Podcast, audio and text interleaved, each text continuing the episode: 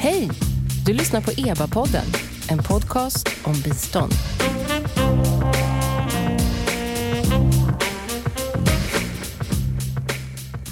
Välkomna tillbaks till EBA-podden. Jag heter Noomi Östlund och den här podcasten ges som vanligt ut av Expertgruppen för biståndsanalys, EBA.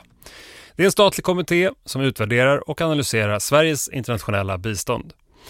Den här podden är ett nytt specialavsnitt, en inspelning från ett fullsatt seminarium som vi haft om en nypublicerad och intresseväckande EBA-rapport om Sveriges feministiska utrikespolitik.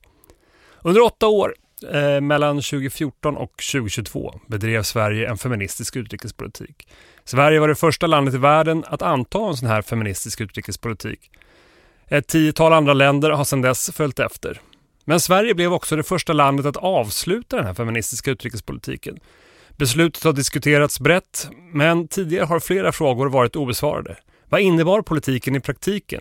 Och vilka är de bestående effekterna av den, om några? Under seminariet som ni ska få höra, som ägde rum på Kulturhuset i Stockholm den 31 augusti 2023, presenterades och diskuterades EBA-rapporten More than a label, less than a revolution, Swedens feminist foreign policy. Studien är den första systematiska analysen av den här politikens genomförande. Den visar hur och hur mycket den feministiska utrikespolitiken implementerades på svenska ambassader och myndigheter, den tittar också på hur politiken genomfördes inom utrikespolitikens tre områden. Utrikes- och säkerhetspolitik, utvecklingssamarbete och handel och främjande. I samtalet ni ska få höra berättar rapportförfattarna Ann Towns, professor vid Göteborgs universitet, Katarzyna Jesierska, docent vid Högskolan i Väst och Elin Bjarnegård, docent vid Uppsala universitet om studiens resultat.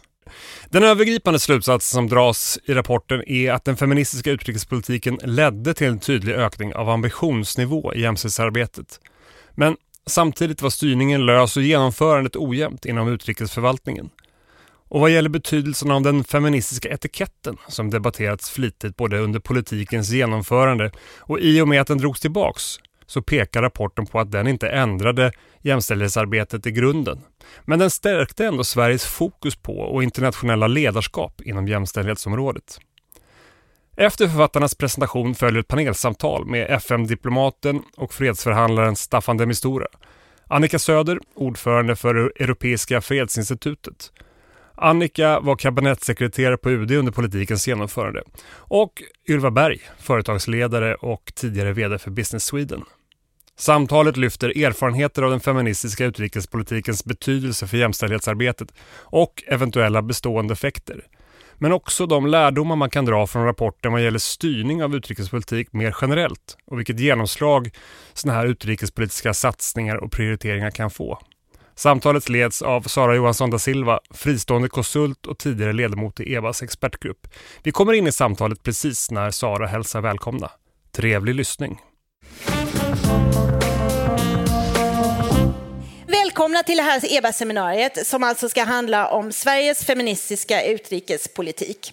Eh, jag som ska moderera heter Sara Johansson de Silva och jag var själv medlem i expertgruppen för biståndsanalys mellan 2019 och 2022.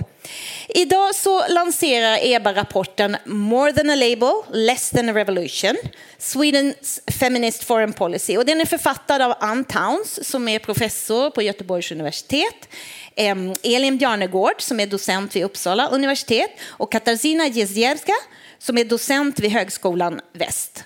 Under åtta år, mellan 2014 och 2022, så drev Sverige en feministisk utrikespolitik. Och det var det första landet att sätta samman och genomdriva en sån politik. Därefter så har många länder tagit upp det, ett flertal länder i alla fall, eh, bland annat Kanada, Frankrike, Mexiko och Tyskland, men det finns även fler som, eh, på denna lista som har någon form av feministisk utrikespolitik idag. Och det här var en stor och brett kommunicerad satsning som skulle genomsyra alla områden inom utrikespolitiken, det vill säga utrikes och säkerhetspolitik, handel och främjande och utvecklingssamarbetet, biståndet.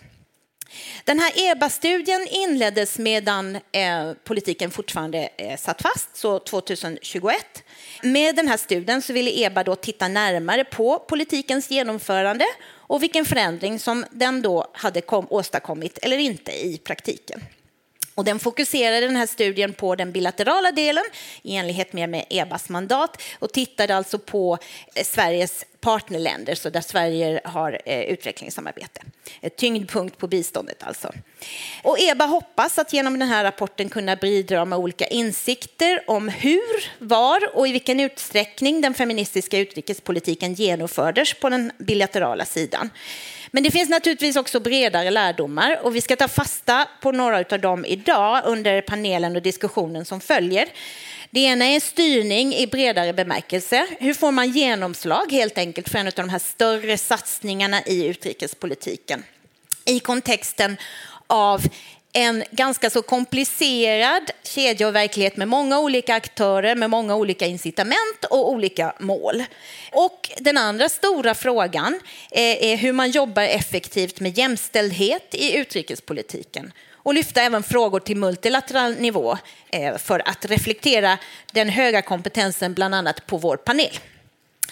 Eh, studien behandlar däremot inte frågan eh, om Sverige ska ha eller borde ha en feministisk utrikespolitik och det gör vi inte heller på det här seminariet. Eh, och jag lämnar med väldigt varm hand över den frågan till någon annan att hantera helt enkelt.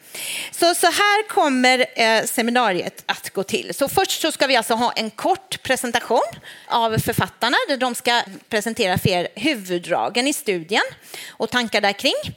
Sen ska vi ha ett panelsamtal där författarna är representerade, men också en panel bestående av Staffan de Mistura, Annika Söder och Ylva Berg. Och jag ska be att få presentera dem när vi sedan har panelen. Och då en stund in i panelen så kommer ni i publiken också att få ställa frågor. Eh, och, men det tar vi, jag säger till när det är dags för dem. Så vår gemensamma uppgift idag det är helt enkelt att lyfta viktiga lärdomar från den här studien och blicka lite framåt. Men vi börjar alltså med en presentation. Välkomna upp.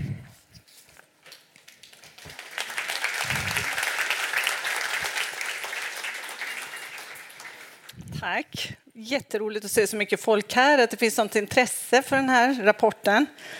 Ehm, som Sara nyss sa så handlar rapporten om den bilaterala implementeringen av den feministiska utrikespolitiken. Främst i Sveriges biståndsrelationer men även bredare än så.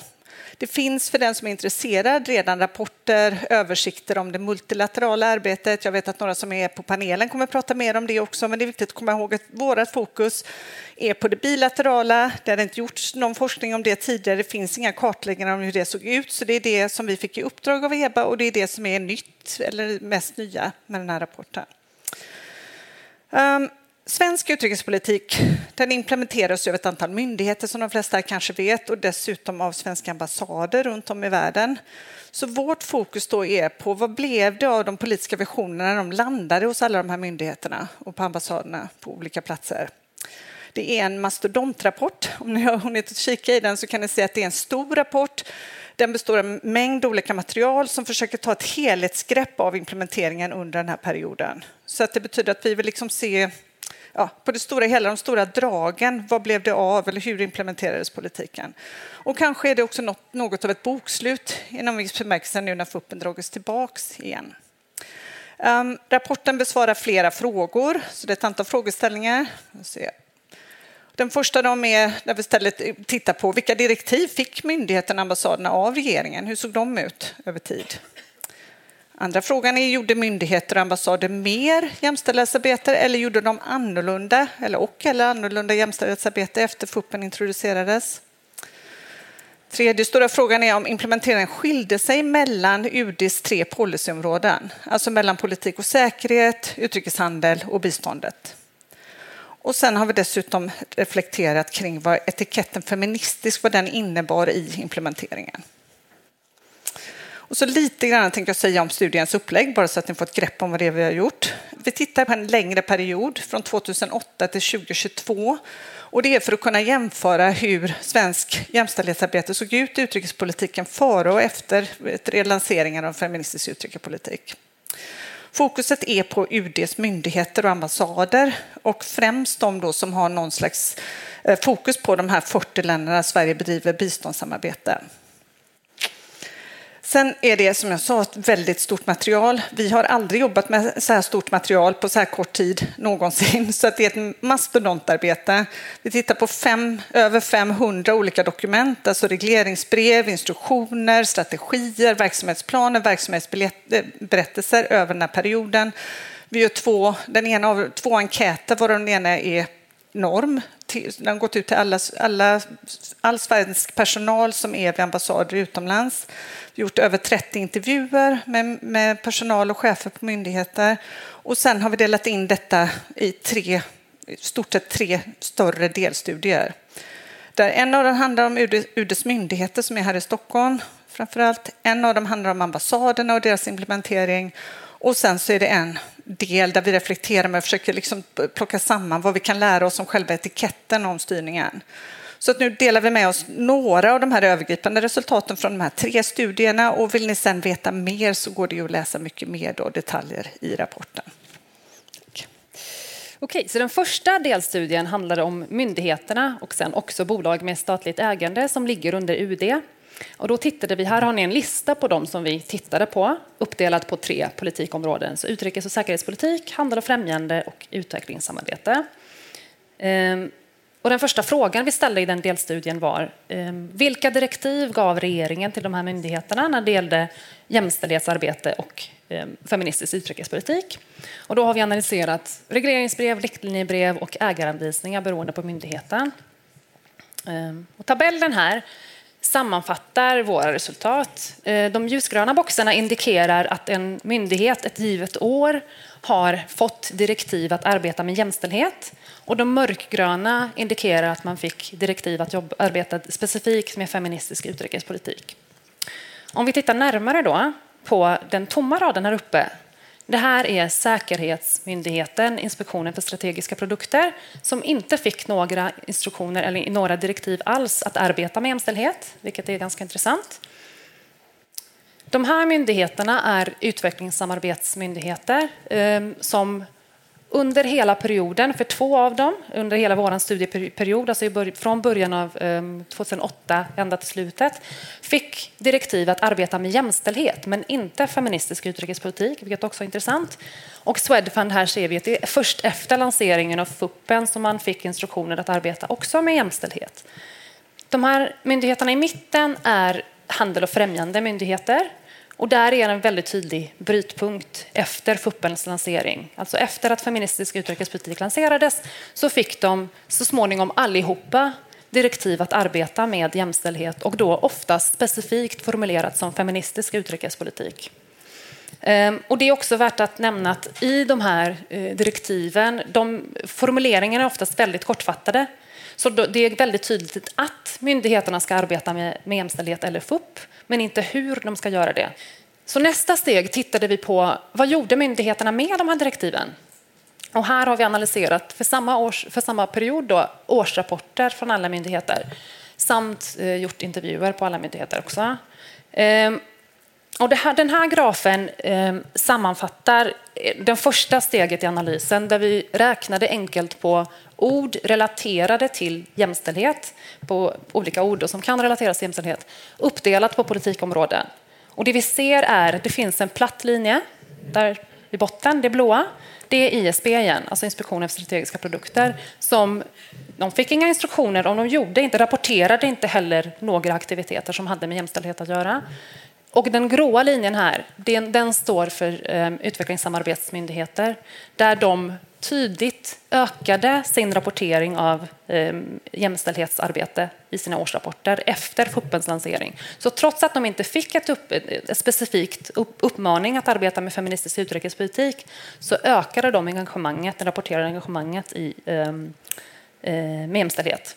Och det här är en bara enkel genomgång och räkning av ord, men vi har även gjort ett omfattande kvalitativ analys av alla dessa dokument och eh, allt det vi samlade på oss. Och det bekräftar den här bilden.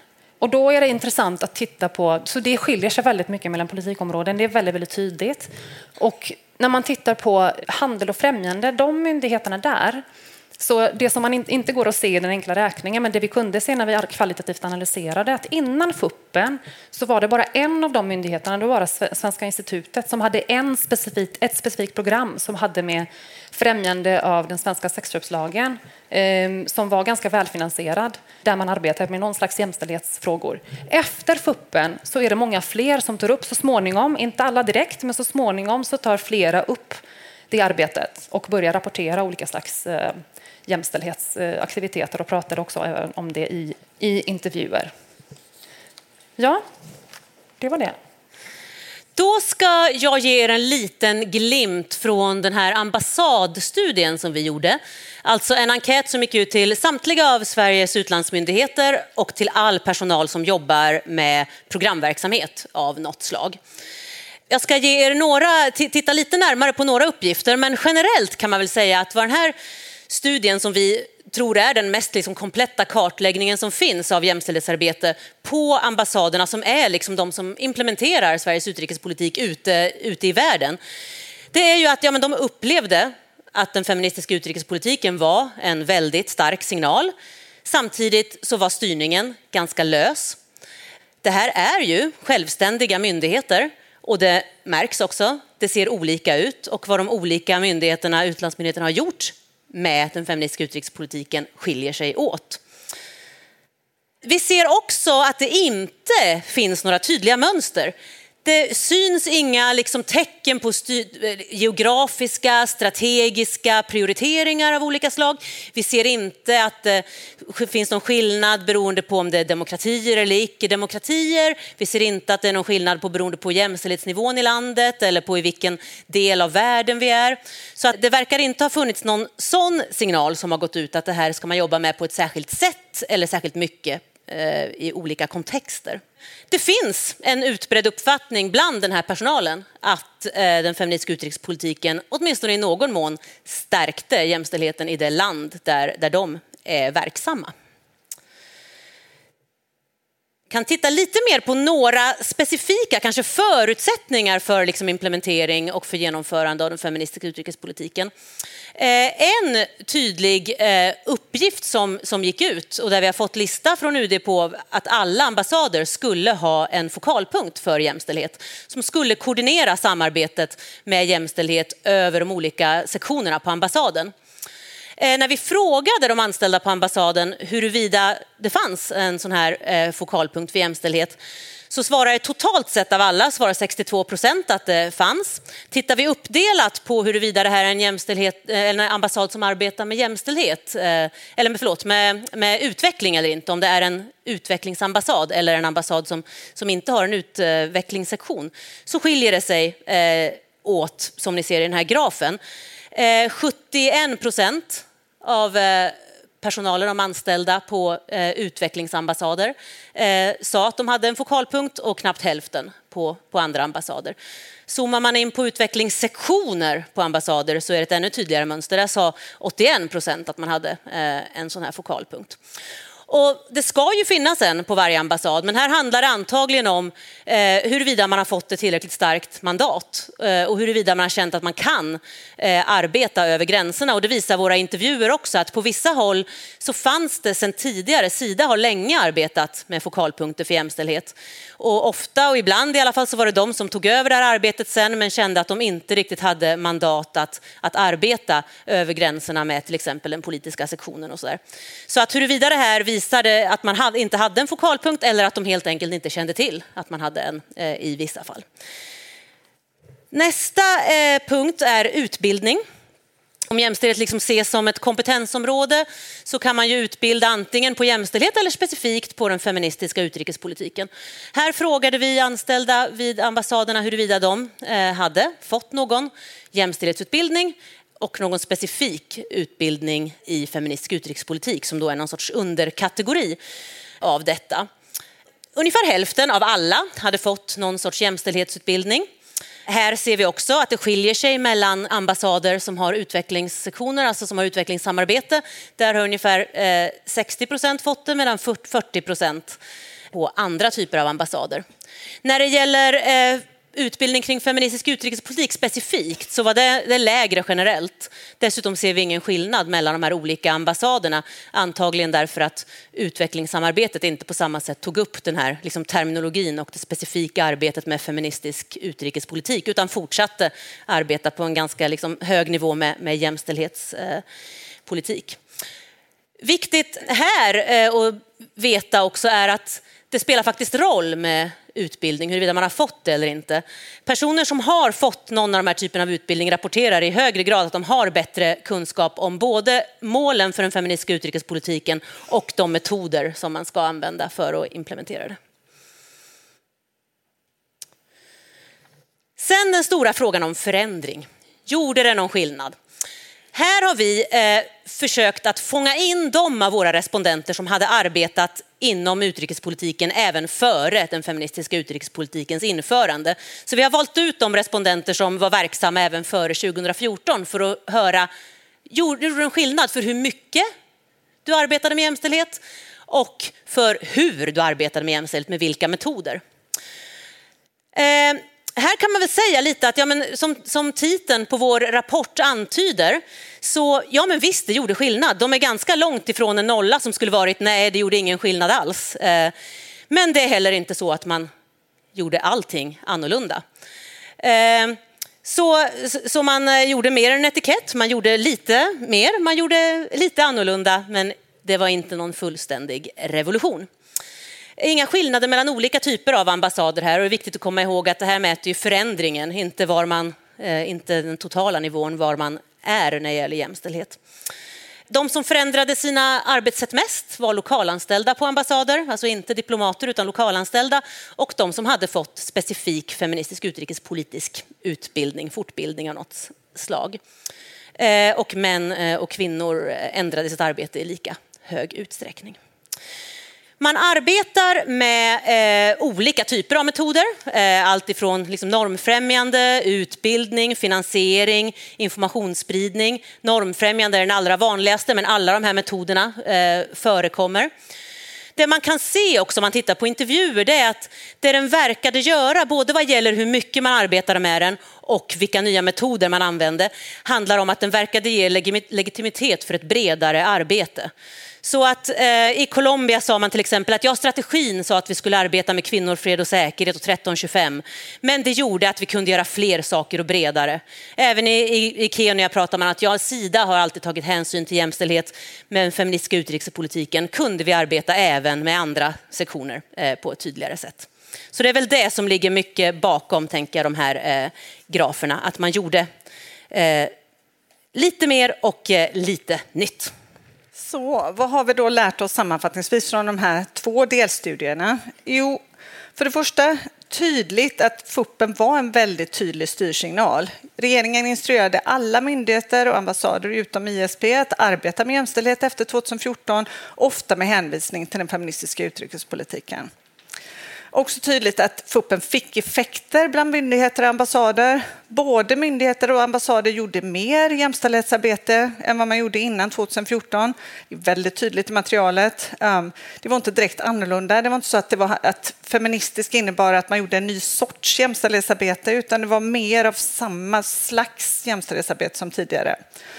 Självklart också har inte allt som skedde efter 2014 med fuppen att göra. Det, massa, det finns ju massa andra saker som har hänt i jämställdhetsfältet. Eh, JIM, alltså jämställdhetsintegrering i myndigheter. Det finns internationella direktiv och nya internationella avtal, arbetet inom EU. Så det, självklart är det andra faktorer också. Men det är ganska tydligt att de var liksom i samverkan, man fick draghjälp av varandra. Så det blev liksom en dynamik mellan fuppen och de här andra initiativen. Också tydligt att feministisk utrikespolitik inbegrep många olika sorters metoder. Det var mycket normfrämjande arbete såklart, men det var också mycket finansiering av jämställdhetsinsatser på många ställen. Man arbetade med utbildningsinsatser av olika slag, jämställdhetsutbildningar, eh, utbildningar av, av, personal på myndigheter i andra länder, hur de skulle jobba med jämställdhetsarbete och så vidare. Och också faktaspridning kring hur jämställdhetssituationen ser ut och vad jämställdhet kan leda till och få för andra effekter. Sen slutligen tydligt också att implementeringen skiljer sig mellan UDs tre policyområden. Så att mest arbete fortfarande inom utvecklingssamarbetet. Man jobbade redan mycket med detta innan, gjorde ännu mer efter 2014. Mest förändring kanske inom handelsområdet där man inte hade jobbat med de här frågorna innan men påbörjade ett arbete. Och sen lite en blandad kompott i politik och säkerhet där FBA gjorde mycket arbete med feministisk utrikespolitik. ISP kan vi inte se, alltså vad vi kan se så har det inte skett någon förändring där. Sen har vi bara för att avsluta även reflekterat en del över begreppet feminism, vad det har inneburit för implementeringen och där har vi också några saker att säga kring det. Och här kan man väl säga att på ett sätt så är ju en feministisk, alltså det språkbruket, gammalt vin i nya flaskor på ett sätt. Alltså man har ett nytt ord, ett nytt begrepp för att sätta ord på någonting som ändå i praktiken kanske var liknande arbete som man har gjort tidigare. Fuppen innebar ju inte någon ny form av feminism, utan det var ju snarare att man gjorde mer jämställdhetsarbete, mer jämställdhetsintegrering, den typen av arbete. Så mer av ungefär samma sorts saker som man hade gjort innan, fast också på nya områden som handel. Så det kan man ju på ett sätt säga att det blir ju ett nytt, alltså det är ju nytt i och med att handeln inte hade jobbat med det innan. Språkbruket feminism, hur mycket man använder det, det blev aldrig dominerande i myndigheter eller på ambassader, utan man fortsatte att arbeta med begreppet jämställdhet huvudsakligen i implementeringen. I ambassadenkäten som Elin pratade om lite grann så tittade vi en del på de här kommunikationsstrategierna som man hade på ambassaderna för att se hur pratade de om jämställdhetsarbetet efter lanseringen av FUPen. Och då frågade vi specifikt om de tre R, alltså de här Rights, Resources, Representation och vi frågade om ordet feminism. Um, och där, jag vet inte om ni kan se här, här är olika framings, alltså inramningar som man kan ha när man pratar om jämställdhet. Och den översta pelaren visar att de flesta, alltså det som var vanligast var att man pratade om jämställdhet som en universell värdering, alltså i termer av mänskliga rättigheter ofta som en rättighetsfråga. Ungefär 70 procent av de som svarade så att det är så man brukar inrama den frågan. 60 procent ungefär pratar om det som att det är bra för tillväxten, bra för ekonomin, att jämställdhet har liksom ekonomiska fördelar. Så de två inramningarna var det som är allra vanligast. De tre R var det ungefär 40 procent av de svarande som sa att de använder regelbundet. Ehm, feminism, 25 procent ungefär, som sa att de använder ordet feminism. Vad gäller de tre R'n så är bakom det här medelvärdet så döljer det sig en ganska stor spridning. Att många känner mycket väl till de här tre R'n, använder det mycket. Andra känner inte till dem alls och använder inte det. Så det, det, är liksom, det var ganska stora skillnader mellan, bland de som svarade. Och vad gäller de här 25 procenten feminism, hur, hur, man ska bedöma det så är det svårt. Det finns ju inget objektivt svar på om 25 procent är mycket eller lite. Det beror på vad man har för förväntningar. Om man tänker sig att alla i svensk, bland svenska myndigheter och ambassader bara ska prata feminism, då är ju 25 procent ganska lite. Men tänker man sig att feminism är ett ganska kontroversiellt begrepp ute i världen på många håll, att det kanske inte passar i alla sammanhang att prata om det utan att man anpassar sig till kontext, då kanske 25 procent egentligen är ganska mycket. Så det, alltså, det, finns liksom inget objektivt svar på den frågan utan det är, beror på vad man jämför med helt enkelt. Sen avslutningsvis så vill jag också säga att från allt det materialet, alla intervjuer, enkäterna och så vidare så kan vi säga ganska tydligt att fuppen och feministbegreppet det var aldrig bara en etikett så att säga. Och det tror jag, hoppas jag har framkommit ganska tydligt nu.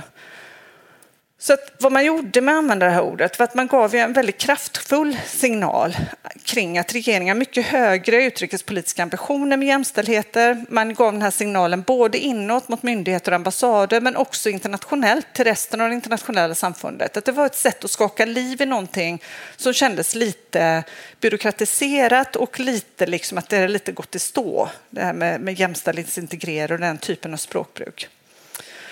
Um, det som folk rapporterar är att det har stärkt svenskt ledarskap i jämställdhetsfrågor runt om i världen. Den här har vi hört från i stort sett alla. Vi har knappt hört någon säga någonting annat än det. Så det är ganska tydligt att medarbetarna, de som jobbar med svensk utrikespolitik, upplever att detta stärkte ledarskapet i jämställdhetsfrågor.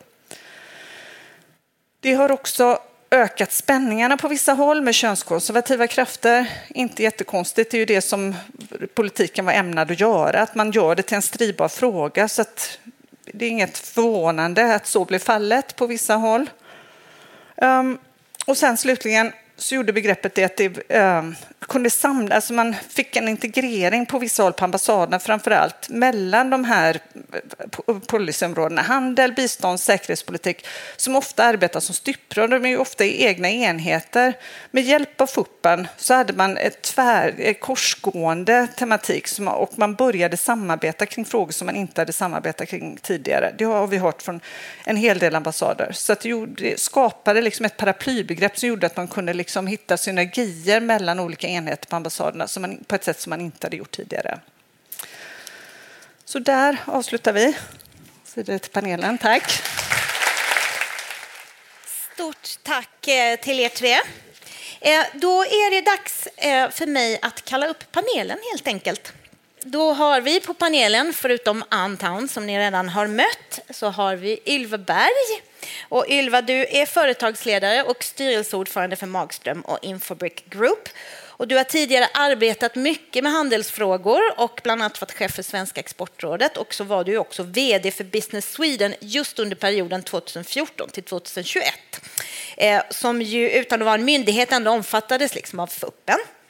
Eh, så du kommer dels med näringslivsperspektivet och dels med handels och främjandeperspektivet och så då som sagt har du också varit med i fuppen. Eh, och näst till vår servitör Staffan de Mistura som är diplomat, fredsförhandlare och vattenförsörjare för vår panel. Staffan har en lång karriär bakom Förenta Nationerna, eh, inom Förenta Nationerna förlåt mig, bakom sig och är fortfarande aktiv. Har bland annat varit i FNs livsmedelsprogram, FAO, jobbat i Unicef, har arbetat med humanitärt bistånd och varit FN-sändebud i flertal konfliktdrabbade länder, där bland annat Syrien och Afghanistan och nu FNs särskilda sändebud i Västsahara. Eh, och du har ju också varit biträdande utrikesminister i Italiens regering, så vi har dels det multilaterala perspektivet från dig, Staffan.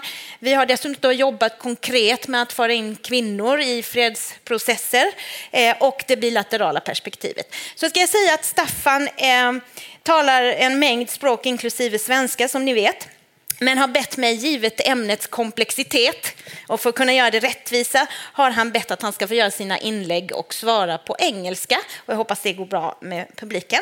Eh, och är det så däremot att man på slutet vill ställa någon fråga direkt till Staffan så går det alltså jättebra att göra det på svenska. Eh, men just för att få ge det djup som han önskar så vill han göra det på engelska. Annika Söder. Du är ordförande i Europeiska fredsinstitutets styrelse och har haft flera olika uppdrag, precis som Staffan, för FN och andra internationella organisationer. Eh, också FAO bland annat. Eh, men du har ju också det bilaterala perspektivet väldigt tydligt och du var ju kabinettssekreterare under en stor del av FUP-perioden 2014-2019. Så där kommer du också med särskilda insikter från det bilaterala perspektivet, tänker jag. Så välkomna alla.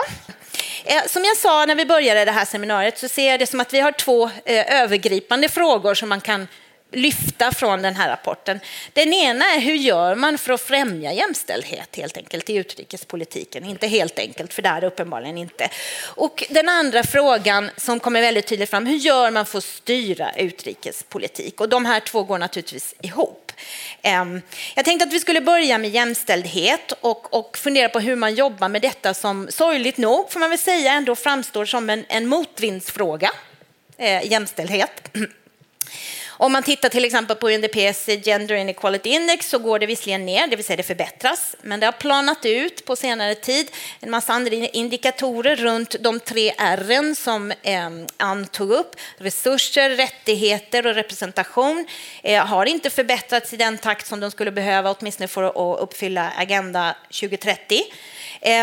Flickors utsatthet efter pandemin och så vidare. Det finns mycket att jobba med och då är frågan hur gör man det bäst? Och jag tänkte egentligen ställa frågan först till dig Staffan som har jobbat eh, så mycket med humanitärt och fredsprocesser, eh, fredsfrämjande och, och som jag sa innan också arbetat direkt med att öka kvinnligt deltagande i fredsprocesser. För det första så tänkte jag att du kunde få förklara för oss eh, varför det är så viktig fråga att kvinnor är med i fredsprocessen och sen tänkte jag att vi skulle prata om vad det är som stora hindren i jämställdhetsarbetet. En liten enkel fråga. Ja, tack. Tack så mycket. Och jag är jätteglad att vara här idag. Mm, därför jag jobbat så hårt i hela mitt liv with a special angle on the including women in peace processes. It is by now a well-known fact. When we want to have a stable, sustainable, credible peace process, we need, we must include the women. This is a fact. Now, in reality, that is where we get into the problems. Uh, by the way, let me make a little caveat. Um, I'm here as a private citizen, as you know, because uh, this is not, I'm not representing the UN, although the UN feels very strongly about it, including current Secretary General Antonio Gutierrez.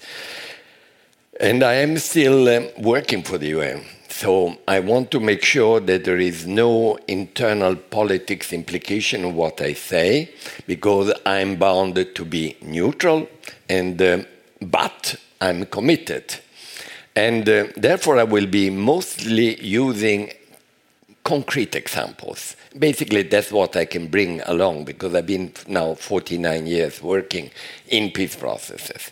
Now, example the biggest problem I've found, and I'm sure we all are finding it, is not the opposition to women involvement in foreign policy, in particular in the political peace processes. They all say yes when I raise it. Jaha, naturligtvis. Is the lip service. Jaha, naturligtvis. Och ingenting händer. That's the issue I've been facing all the time. And I'll give you an example a concrete example. So fly with me back to Syria. Okay, we are in 2017, and uh, I've been struggling with my successor doing the same at the moment, trying to get the opposition and the government to have a meeting with us and try to see if there is any common ground for a peace process. Impossible so far, but it's a duty to try. And my purpose was to have intra Syrian meetings, discussions, in order to at least take away the main issue and start looking at piecemeal approaches. You know, integrity of the country, how to handle a future elections. Forget whether President Assad is there or not, or whether those who are opposing him are terrorists, which were the two lines. And finally, finally, 2017, I was able to convene both sides in one room.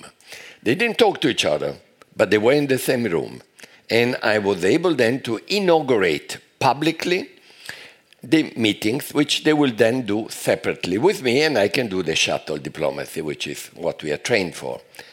And I said, but you have to bring Syrian women. There are 51 percent of the population. They are committed. I know them. They are very active. Bring them. Jaha, naturligtvis. Jaha, jaha. And what happens? They come at the meeting after having promised, and I put that as a condition, 21 on both sides, and only three women. And coming last, and not being allowed to talk. So when I saw that, but you see, they tried both, government and opposition, on that together. When I saw that, it was too late to actually make any big changes. Because the meeting, and I have a picture here to show you, because these are pictures which have then remained in UN history, I had to start a meeting.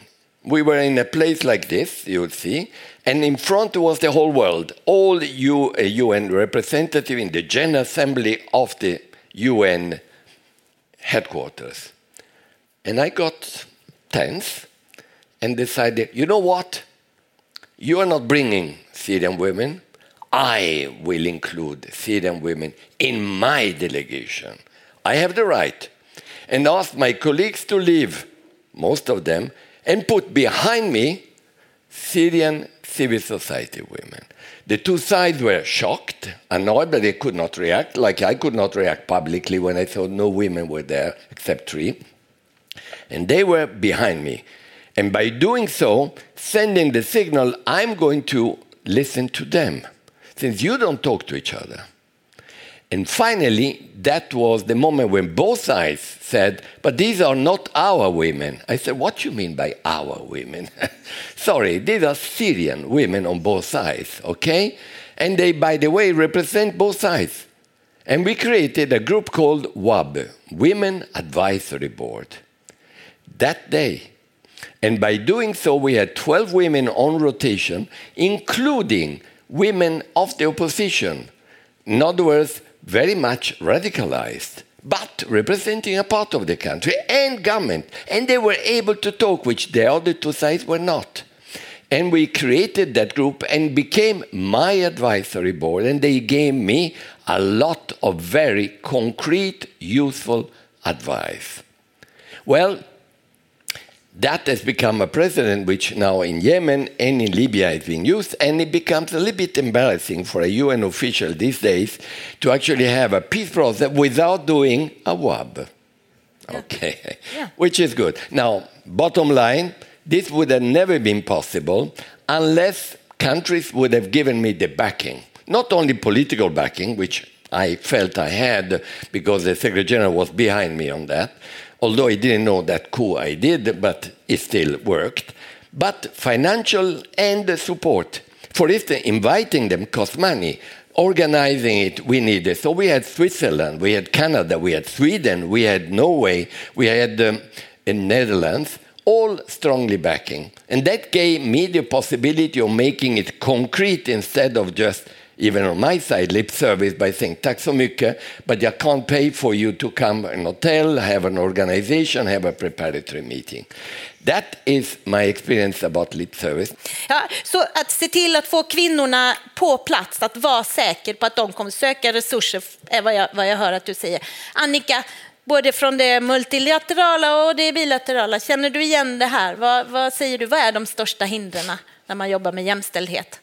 Eh, när vi lanserade feministisk utrikespolitik så såg vi flera faktorer som var hot kan jag säga mot jämställdhet. Mm. Jag tror Ann sa att det, det, var lite avsomnat. Jag tror att det var värre än så. Det var, vi såg rörelser, auktoritära rörelser, anti eh, i, i världen.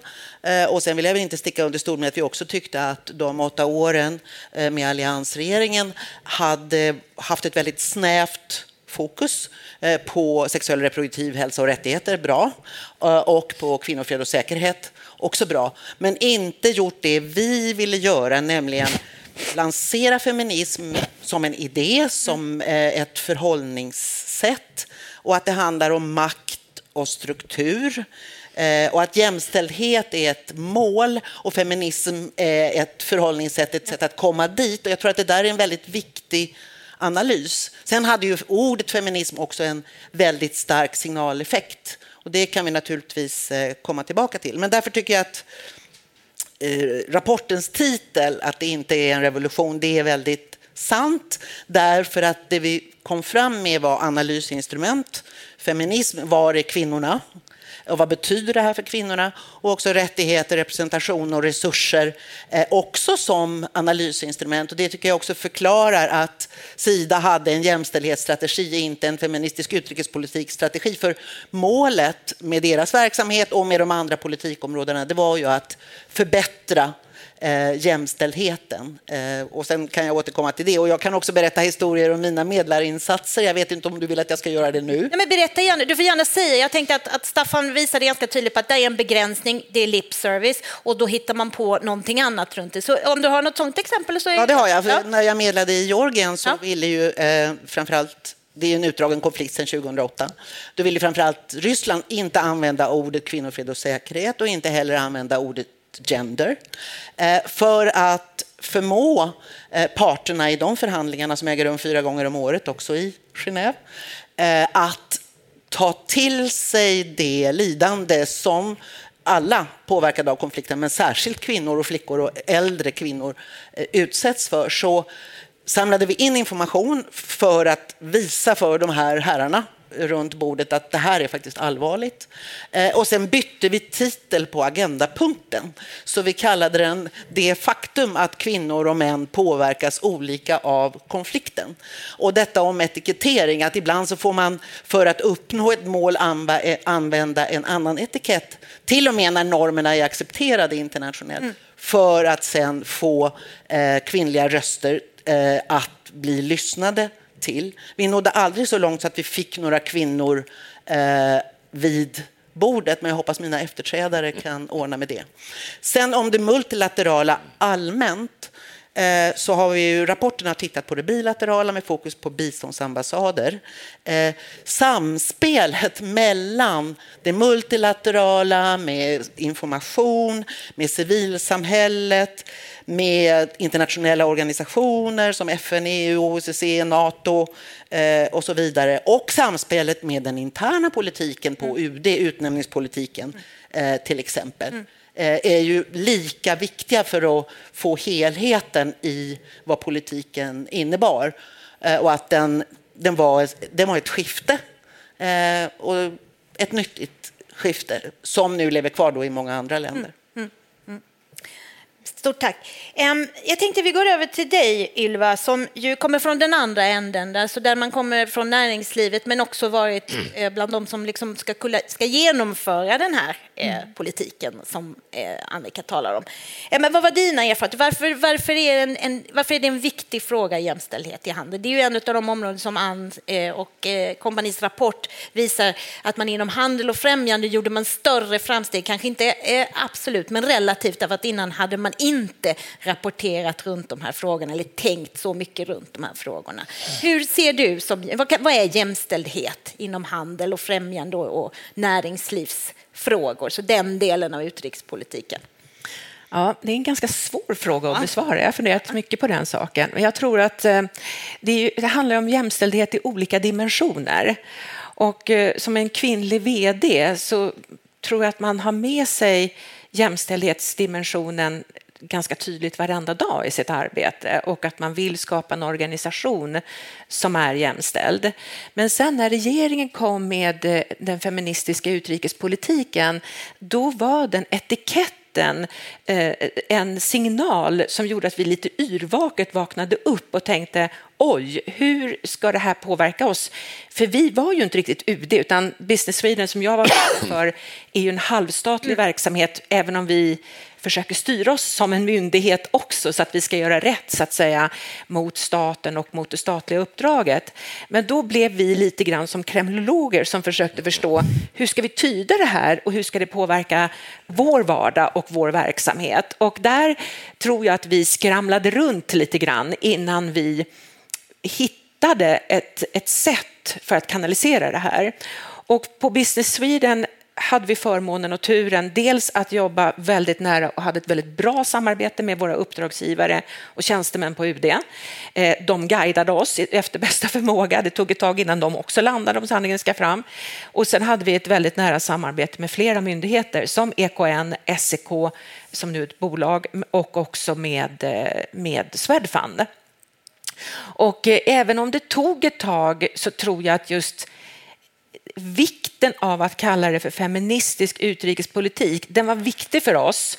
För som jag sa till Staffan här tidigare, jämställdhet hade blivit ett ganska urvattnat begrepp. Men med att man liksom skärpte det här och satte faktiskt ett ganska i mångas ögon provocerande titel så var vi tvungna att fundera på hur vi skulle göra saker annorlunda vi hade redan, jag, jag tillträdde som vd 2014, så att vi hade redan börjat ett arbete att se till att styrelsen var 50-50, ledningsgruppen var 50-50, antalet anställda var 50-50, traineerna var 50-50 och mellanchefer var 50-50. Så vi hade redan ett jämställdhetstänk. Men hur ska man dra det här i sin förlängning? Det var inte lätt alla gånger. Ett uppdrag som vi fick från UD det var att delegationerna var tvungna att vara jämlika. Och jag kan säga att det var jättesvårt. För att det var inte svårt att ha vår egen personal, att det skulle vara hälften kvinnor och hälften män.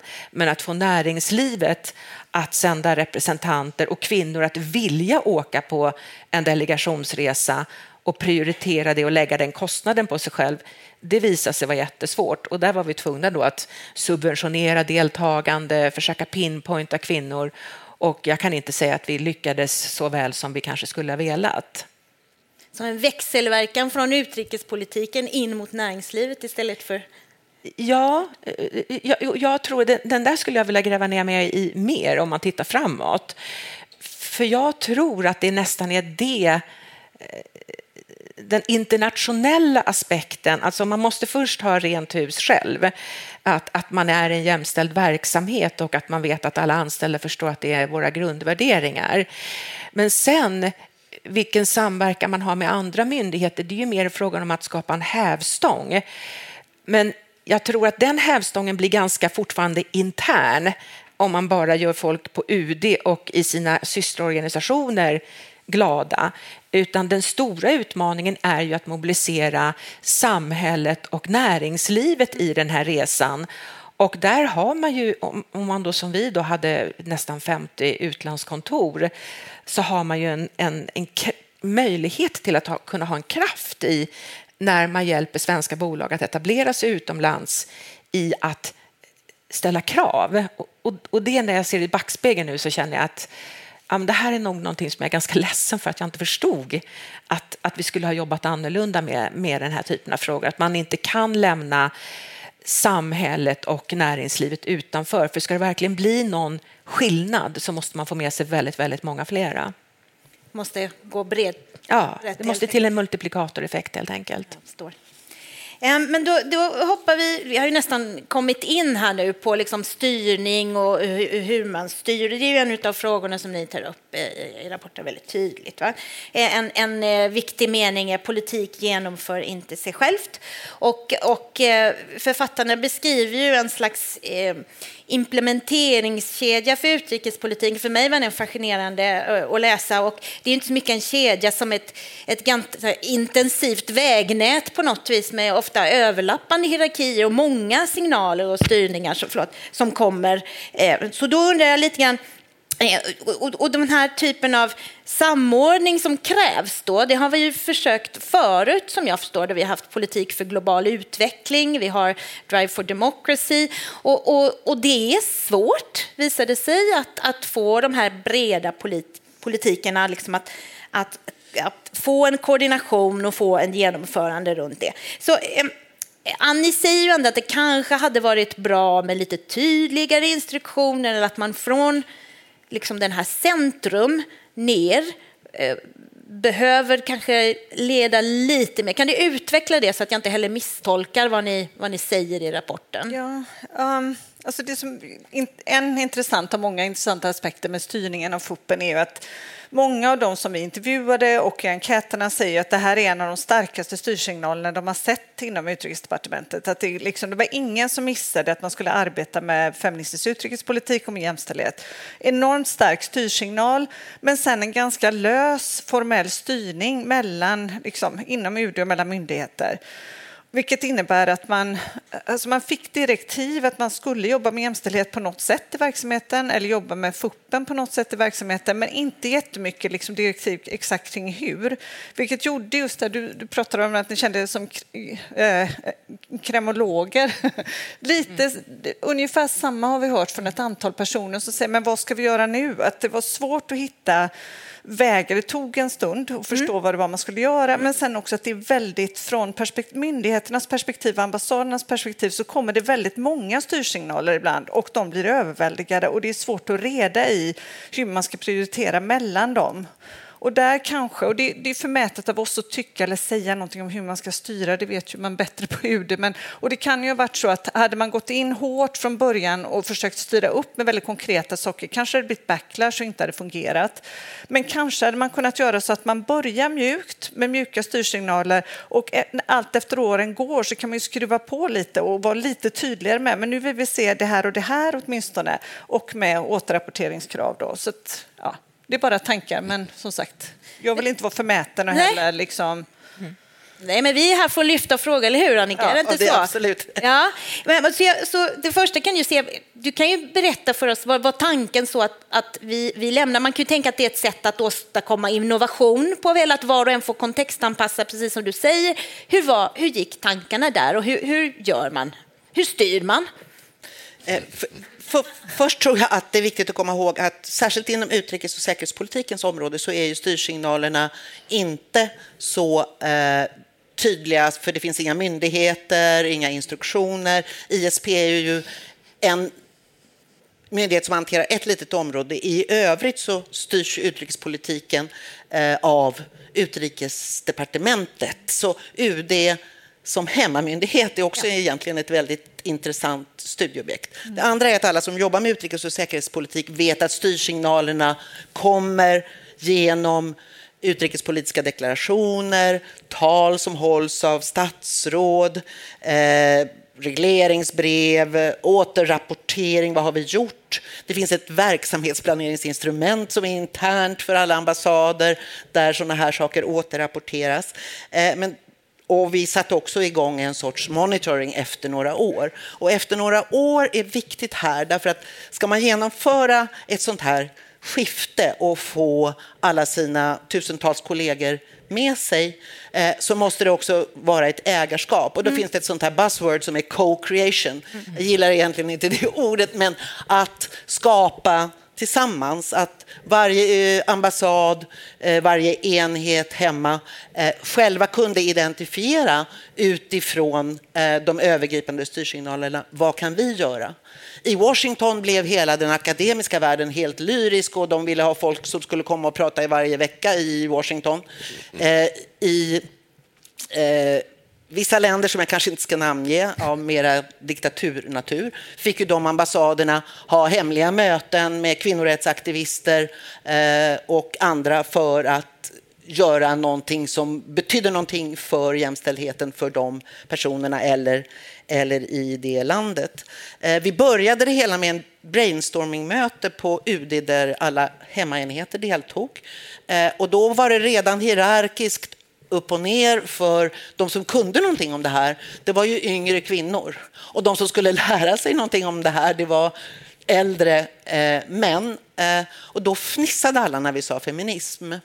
Så vi fick börja med att ta bort eh, fnissfaktorn, the giggle factor. Eh, och genom att vi fick en ordentlig diskussion och ett ägarskap hos alla de som kunde föra frågan vidare eh, så fick vi också efter två år fram en handbok eh, som sen förnyades efter några år. Och jag menar att det är också en väldigt styrsignal. Det är också mjuk styrning.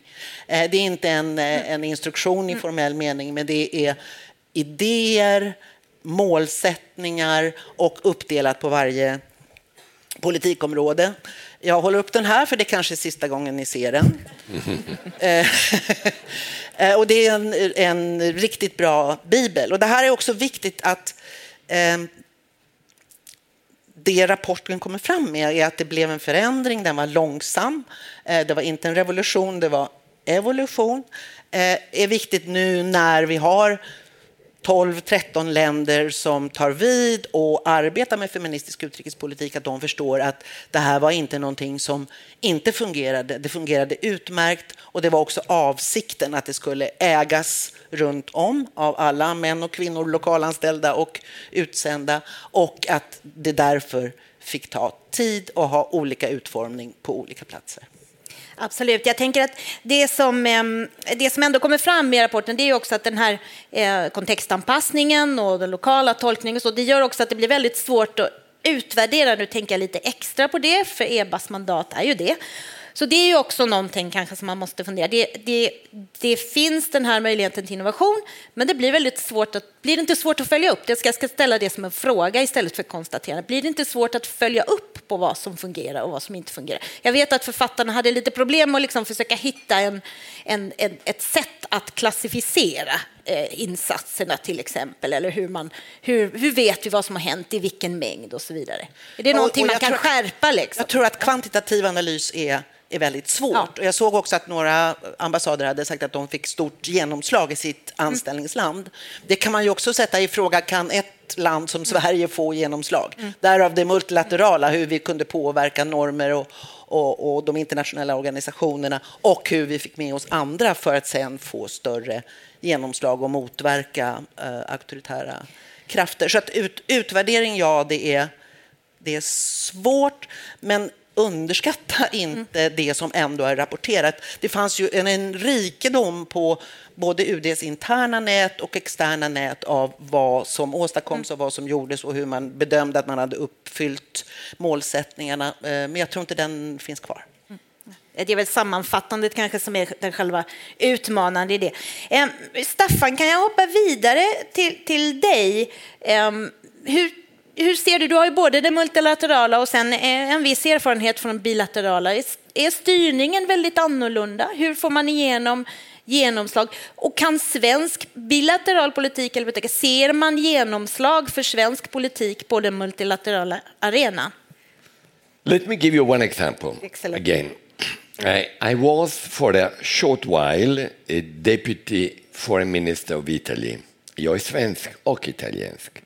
Så jag frågade permission från Carl Bildt eh, när jag var i Afghanistan på den tiden och eh, eh, frågade kan jag göra det, det för jag är också svensk. Han sa nej, nej, ingen problem, det för vi har inte samma problem som Italien. Italien kan låna dig och FN sa också tack och vi kan låna Staffan till eh, Italien. But it was quite an opportunity of seeing the difference of capacity of supporting women involvement in peace processes seen from multilateral to bilateral. Quite a difference. And here is the example. So now fly with me to Tokyo. Let's travel a little bit together. This time is in Tokyo, Tokyo Afghanistan Reconstruction Conference 2012. Hillary Clinton was there and many others, 115 countries, all those who are involved in Afghanistan, including Sweden, of course, but Italy was there too. There I was not like a UN official, but I was Deputy Foreign Minister of Italy. Mm. Good opportunity to see if you can play the bilateral, multilateral card, knowing the game, because having been on the other side of the table, I knew what, how conferences are organized. And you must know the most important thing in a conference are two. One is the final declaration, which is usually prepared long time before by the Sherpas. And the second one is the banging approval, unanimous, so there is no discussion, and the photo. Everybody saying, you know. No, I'm not joking. It's very important because uh, that's where you have the image of the conference. But I came and saw the final declaration as drafted. And there was a reference to women once. And just en passant, including. And in change, there was 17 billion US dollars to be contributed by all countries to Afghanistan for the gradual withdrawal of the troops. That was the interest by most countries, including US. We want to gradually get out of this environment. It took some years, as you know. But in change, you pay to the government to build up the army, their institutions but in change also human rights, including women. So I knew that to approve the unanimous declaration, you need to be unanimous. So when the moment was coming for banging, it was President uh, Karzai was chairing it together with the Japanese foreign minister. In the room, I just raised the Italian flag and said, and he, he said, what? It's approved. Well, not exactly. We have a problem. How can we convince taxpayers to contribute 17 billion US dollars when all of us got involved in Afghanistan? Yes, because we were New Yorkers, all New Yorkers, and Bin Laden. But Bin Laden is dead. But was also because we had these women with burqas being stoned to death because they were listening to music or just walking the street not with their husband. That is the issue and the reason why our taxpayers, and the situation was economically difficult in Europe at the time too, would be perhaps willing to contribute if at least we know that it's a serious, again, no lip service. Karzai objected, and so did they. Come on, de Mistura, come on, come on. You know Afghanistan. You've been a UN representative, our tradition, culture. I said, well, tradition and culture, we respect it. You have to respect also our tradition and culture. And above all, the fact that the money comes from us. So, you don't approve it? No. No. No photo anymore. no final declaration. One is enough. Hillary Clinton could not intervene because the Americans wanted the military to start passing on. No one else, but she was supportive, of course, very. So I just left the room. No photo anymore. Conference suspended. That's the strength. As a UN, I would have never been able to do it. But as a bilateral country, I was. Because there was no unanimity. The Japanese came to me, the Afghans, come on, I mean, you're spoiling the conference. Well, you're spoiling other things as far. And there was a women caucus there waiting, Afghan women lobbying, and they were not being listened to. So it took two hours delay. And they told me, you are spoiling conference. Well, I like uh, Japanese food. We can stay longer. The photo, we can have it uh, uh, not inside, outside. We can have it inside. Don't worry. But, and luckily, my, the foreign minister was a woman, Emma Bonino, and she was backing me. Plus, I stopped my phone so they could not call me. because I knew they were protest, going to protest, of course, and say, what is guys doing now? They're spoiling the conference, everybody's there, 120 countries. Finally, we got it. Of course, they wanted the conference, they wanted the 17 billion. But with a conditionality, the 17 billion will be allocated on the basis of verification of women's rights to actually being included in projects on a, on a gradual basis. But just to say, as an example, even on the bilateral side, you have strong tools that can be helping the lip service to become reality, and which the multilateral one, the UN, could not be. You have other ways. You have to put them all together, you have to convince them, and so on. Mm. End of my example. No, fantastiskt. Så det är en liten lektion i diplomati till alla här. Eh, det gäller att inte vara med på fotot och det gäller att stänga av telefonen när, det, när man vill säga någonting. Det är en bra, eh, en bra styrningssignal, tänker jag. Thank you so much, Staffan. Och tack eh, också till, jag vill först tacka författarna, nu ser jag inte vad jag har fått av dem där, och panelen. Tack. Ett tack till panelen också, särskilt som har kommit hit idag. Väldigt, väldigt. Nu tar vi en applåd till. Jag vill bara innan ni går, jag står att jag ska sammanfatta, jag vet inte hur jag ska kunna sammanfatta denna rika situation, men det finns mycket att göra. Vi har fått många goda idéer om hur man jobbar konkret med att främja eh, jämställdhet tycker jag. Tack till alla som har kommit hit idag.